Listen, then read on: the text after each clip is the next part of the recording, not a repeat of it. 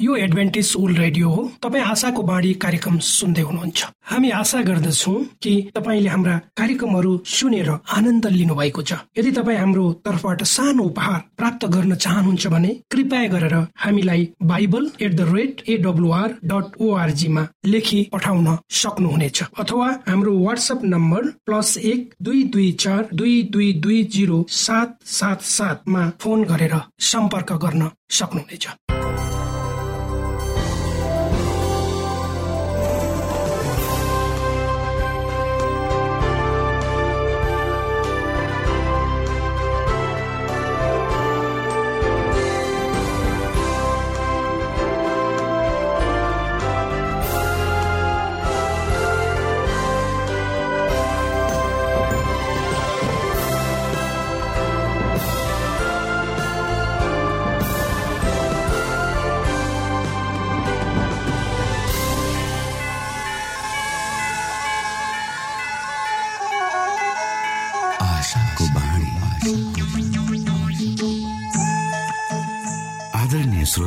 नमस्कार। यो समय तपाईँ एडभेन्टिस्ट ओल्ड रेडियोको प्रस्तुति भोइस अफ हो। आशाको बाणी कार्यक्रम सुन्दै हुनुहुन्छ। कार्यक्रम प्रस्तुता म रवि यो समय तपाईँको साथमा छु। बाइबलले भन्दछ सारा भूमण्डल आकाश मण्डलको सृष्टिकर्ता परमेश्वर साँच्चै अचम्मको परमेश्वर हुनुहुन्छ। के तपाईँलाई थाहा छ? यस्तो सारा जगतको अधिपत्य परमेश्वर मानिस जातिले बुबा भनी बोलाएको रुचाउनुहुन्छ? परमेश्वर बादल पारिरहने केही डरलाग्दो न्यायकर्ता होइन तर हामी हरेकको निम्ति आमा बुवा जस्तै। नजिकको आत्मीय सम्बन्धमा रहने परमेश्वर हुनुहुन्छ। यस्तो प्रेमिलो परमेश्वरको विषयमा धेरै भन्दा धेरै जानकारी लिएर आफ्नो जीवनको बाँच्नुको उद्देश्यलाई बुझ्न सक्नुहुनेछ। जीवनको अर्थ बुझ्नु हाम्रो उत्तरदायित्व हो। आशाको बाणी कार्यक्रमले यी गहन कुराहरू बुझ्न तपाईँलाई मदत गर्दछ। आउनुहोस् हामी तपाईँलाई हाम्रो कार्यक्रममा स्वागत गर्दछौ। सुरुमा हामी मधुर क्रिस्टीय वचन सुन्नेछौ।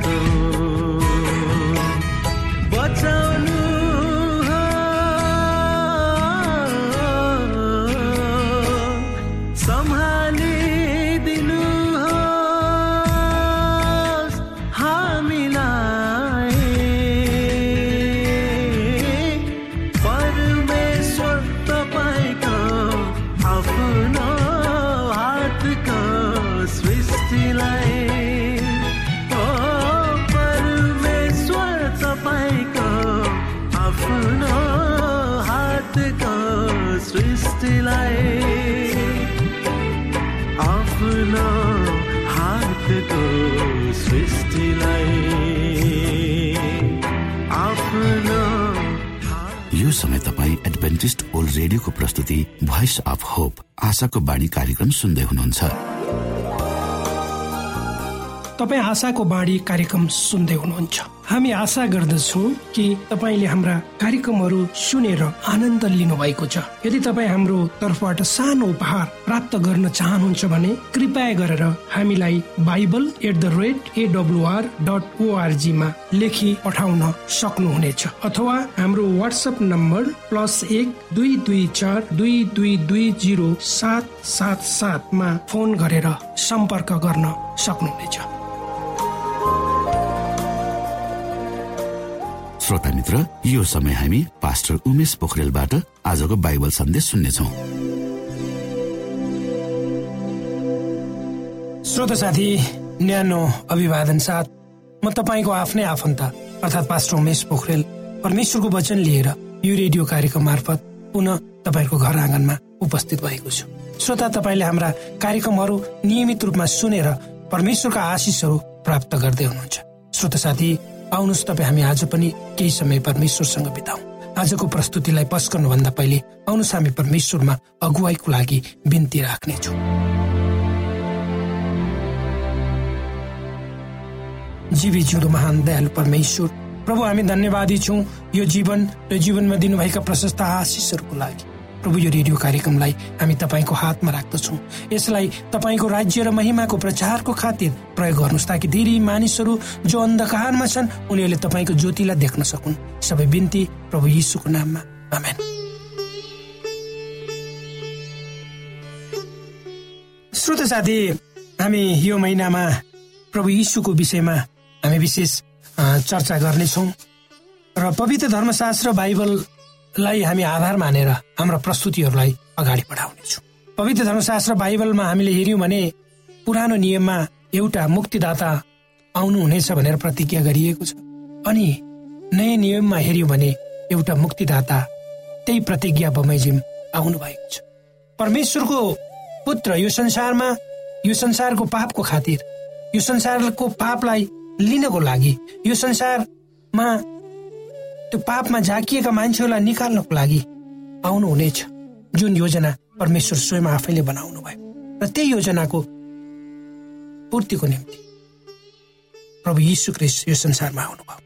अनन्त कालदेखि यसु अर्थात् परमेश्वरको पुत्र आफ्ना पितासँग हुनुहुन्छ। उहाँ दुवै परमेश्वर हुनुहुन्छ। पिता पनि परमेश्वर हुनुहुन्छ पुत्र पनि परमेश्वर हुनुहुन्छ। उहाँ दुवै हामीले सोचे भन्दा बढी शक्तिशाली र महिमायुक्त हुनुहुन्छ। त्यही महिमा देखाउन र बाँड्नका निम्ति यसु संसारमा आउनुभयो। ईश्वरीय प्रेमको ज्योति यस अँध्यारो जगतमा चम्काउनको निम्ति यहाँ आउनुभयो। अर्थात् परमेश्वर हामीसँग हुन उहाँ आउनुभयो।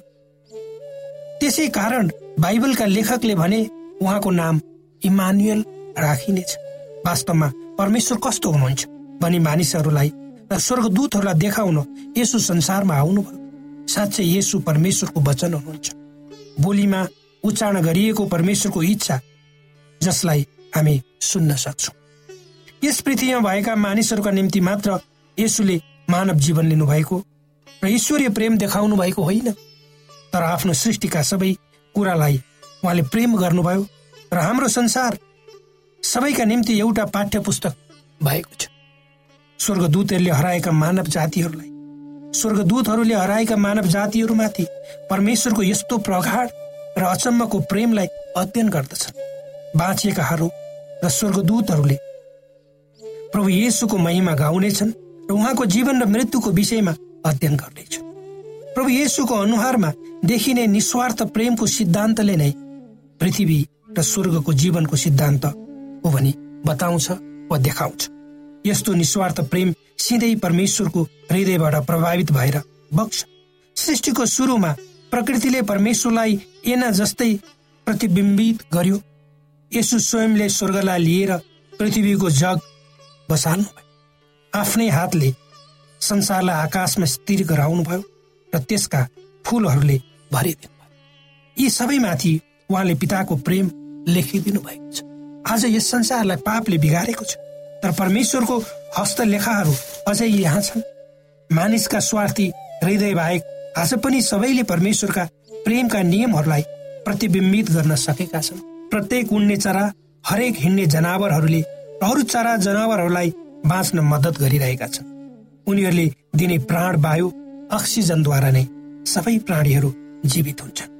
त्यसै गरी जनावरहरूले दिएको कार्बन डाइअक्साइडद्वारा उनीहरू जीवित रहन्छन् र बढ्छन्। सबै प्रकृति केही दिनका निम्ति यहाँ छन्। फलफुलहरूले मिठो बाँच्न दिन्छन् सुन्दरता दिन्छन् सूर्यले जीवन बचाउने प्रकाश दिन्छ समुद्र सबै वर्षा र पानीको स्रोत र यो नदीद्वारा पोषित हुन्छ। हिम नदी झरनाले यसलाई पोषण गर्दछ। त्यसै गरी स्वर्गदूतहरू पनि दिन मन पराउँछ। प्रशस्त प्रेम सहित उनीहरूले संसारमा रहेका कमजोर र पापी मानिसहरूलाई खोज्दछन्। र उनीहरूको अँध्यारो जगतमा स्वर्गीय प्रकाश ल्याउँछन्। विनम्र धैर्यका साथ उनीहरूले प्रभु येसुद्वारा परमेश्वरको प्रेमलाई कसरी बुझ्न सकुन् भनी सिकाउँछ प्रभु येसुमा हामी परमेश्वरलाई अझ स्पष्ट हेर्न सक्छौँ। कुनै शङ्का बिना नै उहाँले पिताको प्रेमपूर्ण महिमा उहाँलाई मनपर्ने कुरा दिनु हो भन्ने देखाउँछ उहाँको प्रेम सारा सृष्टिमा बगिरहन्छ। उहाँको पुत्रद्वारा यो बगिरहन्छ। र यसको सट्टामा खुसी र आनन्दको सेवामा प्रभु येसुमा त्यो फर्कन्छ त्यो प्रेम एउटा शक्तिशाली छाल बन्दछ। सृजनहारसित फर्कन्छ यसुमा यो जीवन चक्र हुन्छ। श्रोत साथी निस्वार्थको प्रेमको सिद्धान्त स्वर्गमा नै टुटेको थियो। पाप स्वार्थीपनबाट सुरु भयो। लुसिफर चम्किलो र शक्तिशाली स्वर्गदूतको चाहना बढ्दै गयो। उस स्वर्गको सबैभन्दा महत्वपूर्ण व्यक्ति हुन चाहन्थ्यो उसले परमेश्वरप्रति निष्ठावान स्वर्गदूत नियन्त्रण गर्ने कोसिस गर्यो स्वर्गदूतहरूले त्यसलाई आदर गरून् भनी चाहन्थे यसले परमेश्वरले स्वर्गदूतबाट आराधना र निष्ठाको माग गर्नुहुन्छ भनेर देखाउँछ। उसले परमेश्वरको एउटा प्रश्न र शङ्का गर्न नहुने स्वार्थी हुकुमकर्ताको रूपमा प्रस्तुत गर्यो यस्तो सल्लाहले धेरै स्वर्गदूतहरूलाई छल्न ऊ भयो। यही विचारद्वारा यसले मानिसलाई छल्न सक्छ।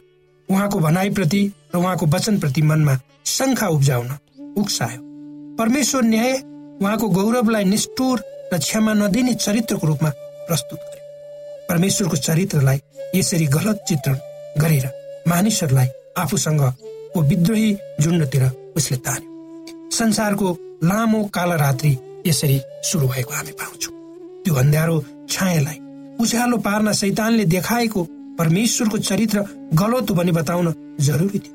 बलसाथ यसलाई हेर्नु हुँदैन थियो। परमेश्वरको राज्यमा बलजपत भन्ने कुरा छैन। उहाँ प्रेमको प्रत्युत्तर चाहनुहुन्छ। जबरजस्ती प्रेम गर्नु हुँदैन कसैलाई प्रेम गर्न बल गर्न सकिँदैन आज्ञा गर्न सकिँदैन प्रेम दिएमा प्रेम फर्कन्छ। जति हामी बेसी प्रेम गर्छौँ त्यति नै बेसी हामीले प्रेम प्राप्त गर्दछौँ। परमेश्वरलाई चिन्नु भनेको परमेश्वरलाई प्रेम गर्नु। त्यसकारण मानव जातिलाई परमेश्वरतिर फर्काउनु भनेको परमेश्वर वास्तवमा कस्तो हुनुहुन्छ भने देखाउनु। यसो जसले परमेश्वरको असीमित प्रेमलाई बुझ्नु भएको थियो उहाँले मात्र अरूलाई यस प्रेमको विषयमा पुष्टि गर्न सक्नुहुन्थ्यो। मानिसको मुक्तिको उपाय पछि गएर उब्जिएको विचार होइन। आदम र हवाले पाप गर्नुभन्दा पहिले यो रचिएको थियो। परमेश्वरको पाप स्वार्थ रहित नियमको प्रकृतिकै फलस्वरूप थियो। परमेश्वरको सिंहासन र उहाँको कार्य यसै सिद्धान्तमा आधारित थियो। अनन्तदेखि परमेश्वर र यसुलाई लुसिफरले पाप गर्नेछ र उसको झुटले मानिसलाई प्रतिरोध गर्न उचाल्नेछ भनी थाहा थियो। परमेश्वरले पापको सृष्टि गर्नु भएन। यसको अस्तित्व होस् भनी उहाँ चाहनुहुन्न थियो तर यस्तो हुन्छ भने उहाँलाई थाहा थियो। यस्तो सङ्कटको अवस्थामा के भन्ने के गर्ने भन्ने उपाय उहाँले रच्नु भयो उहाँको उपायले परमेश्वरको संसार र मानिसप्रतिको प्रेम प्रकाशित भयो। उहाँले आफ्नो एकमात्र पुत्र दिने प्रतिज्ञा गर्नुभयो ताकि उहाँमाथि विश्वास गर्ने हरेक नाश नहुन् तर तिनीहरूले अनन्त जीवन पाउन्। सैतान उसको स्वार्थको कारणले गर्दा बाध्यता महत्वकांक्षी भयो र बढी प्रतिष्ठा खोज्यो उसले। प्रभु येसुले आफ्नो निस्वार्थ प्रेमको कारण कुनै महिमा प्रतिष्ठा खोज्नु भए उहाँले मानव स्वरूप लिनु। श्रोता साथी यसु आफ्नो बलिदानको निम्ति तयार हुनु रहनुभयो। उहाँ आफ्नो पिताको नजिक सबै स्वर्गदूतहरूद्वारा पुजिएर रहन सक्नुहुन्थ्यो। तर उहाँ अध्यारो संसारमा ज्योति र जीवन ल्याउन आफ्नो सिंहासनको तल ओर्लनु भयो र पृथ्वीमा आउनुभयो। यसुले दुई हजार वर्ष पहिला अनन्तकालदेखि गुप्तमा रहेका उपायहरूको विषयमा बताउनु भएको छ। उहाँको सामान्य उपस्थितिको महिमामा मानिसहरू रहन सक्ने थिएन। एउटा विशेष प्रकारको स्वरूपको कारण उहाँ हामी माझ रहन सक्नुभयो। उहाँको ईश्वरीयतालाई मनु मनुष्यत्वले छोपेको थियो। उहाँको अदृश्य महिमालाई दृश्य मानव शरीरले ढाकेको थियो। जब इसरायलीहरू मरुभूमिमा बहुतारिँदै थिए त्यस समय आफूले बनाउन आज्ञा गरे बमोजिम बनाएका मन्दिरमा उहाँ बस्नु अब फेरि परमेश्वर मानिससँग बस्न आउनुभयो र परमेश्वरको विषयमा उहाँको प्रेम र चरित्रको बारेमा सिकाउनु भयो जब जबदेखि यसु मानिस भएर बस्न आउनुभयो तपाईँ हामी बिचमा परमेश्वरले कष्टहरू बुझ्नु भएको छ र तिनीमा उहाँ सहानुभूति दर्शाउनुहुन्छ। सबैले देख्नेछन् कि हाम्रो सृष्टिकर्ता पापीहरूको साथी हुनुहुन्छ। यसुले जीवनभरि गर्नुभएको प्रेम खुसी दिने प्रतिज्ञाहरूबाट दयापूर्वक प्रस्तुत।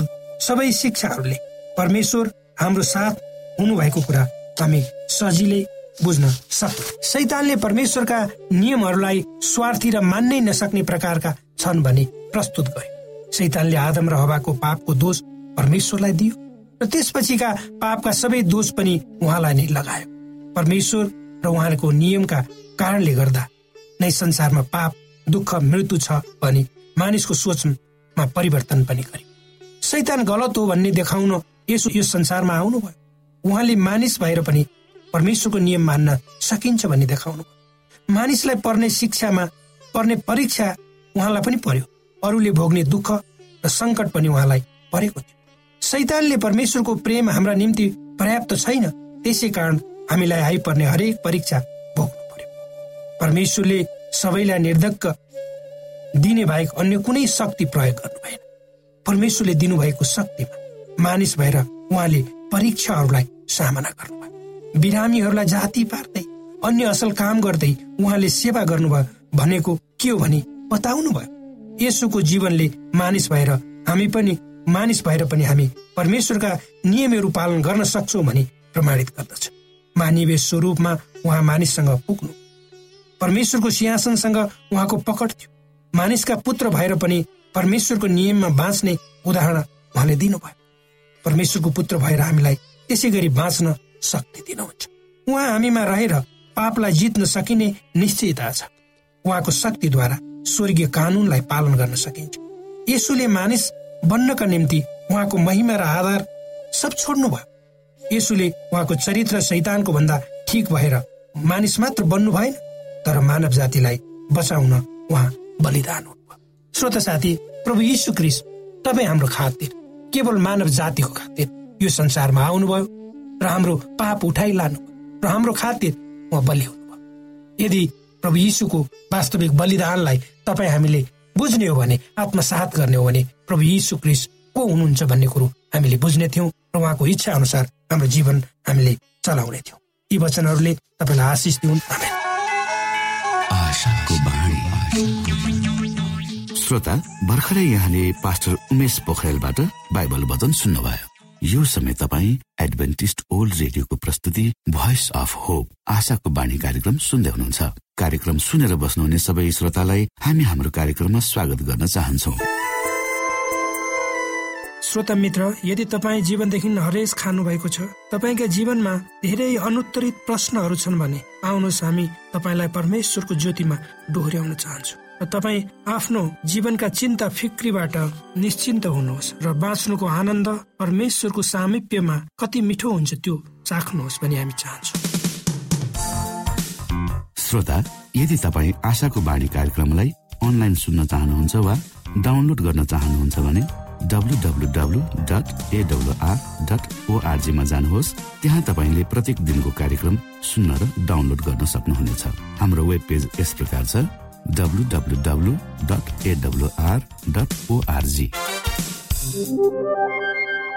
श्रोता यदि तपाईँ हामीसित सिधै फोनमा सम्पर्क गर्न चाहनुहुन्छ भने हाम्रा नम्बरहरू यस प्रकार छन्।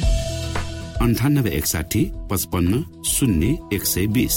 अन्ठानब्बे एकसाठी पचपन्न शून्य एक सय बिस र अर्को अन्ठानब्बे अठार त्रिपन्न पन्चानब्बे पचपन्न। अन्ठानब्बे अठार त्रिपन्न पन्चानब्बे पचपन्न।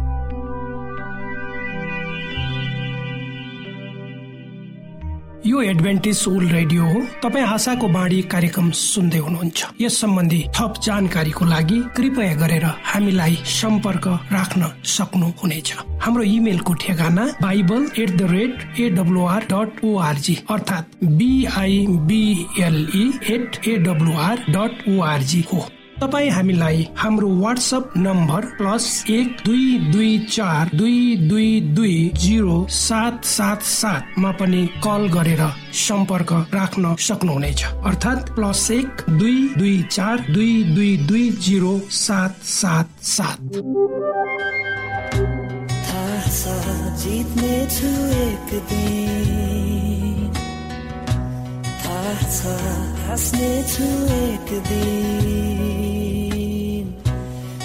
छ जित्ने छु एक दिन। हाँस्ने छु एक दिन। लामो सङ्घर्षको यात्रालाई समाप्त गरी। तिमीसँग पुग्नेछु एक दिन।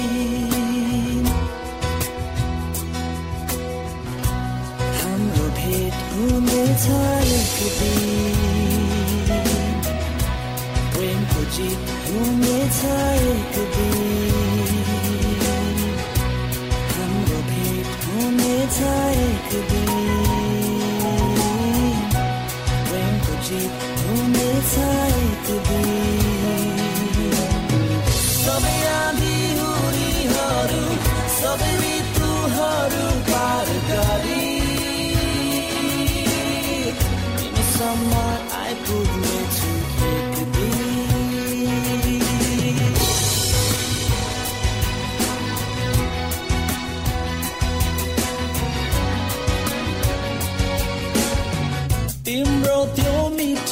मुस्कान म हेरिरहनेछु तिम्रो त्यो सुन्दरतामा मग्न हुनेछु। साकार हुनेछ मेरो सपना जीवन भरको। बसमा नै हुने छैन धड्कन हृदयको। प्रेमको शत्रुहरूको हुनेछ श्रोता तपाईँलाई आजको हाम्रो यो कार्यक्रम शिक्षाप्रद लाग्यो र तपाईँले यसबाट विशेष अगुवाई लिन सक्नु भएको छ भने हामीले आशा लिएका छौँ। हामीसँग पत्राचार गर्ने हाम्रो ठेगाना यस प्रकार छ। आशाको बाणी पोस्ट बक्स नम्बर दुई शून्य शून्य शून्य दुई काठमाडौँ नेपाल। श्रोता यदि तपाईँ हाम्रो स्टुडियोको नम्बरमा सम्पर्क गर्न चाहनुहुन्छ भने हाम्रा नम्बरहरू यस प्रकार छन्। अन्ठानब्बे एकसाठी पचपन्न शून्य एक सय बिस। अन्ठानब्बे एकसाठी पचपन्न शून्य एक सय बिस। र अर्को अन्ठानब्बे अठार त्रिपन्न पन्चानब्बे पचपन्न। अन्ठानब्बे अठार त्रिपन्न पन्चानब्बे पचपन्न। अवस्था श्रोता भोलि फेरि यही स्टेशन र यही समयमा यहाँसँग भेट्ने आशा राख्दै प्राविधिक साथी राजेश आडा पास्टर उमेश पोखरेल र कार्यक्रम प्रस्तुता म रवि यहाँसँग विदा माग्दछौ। नमस्कार।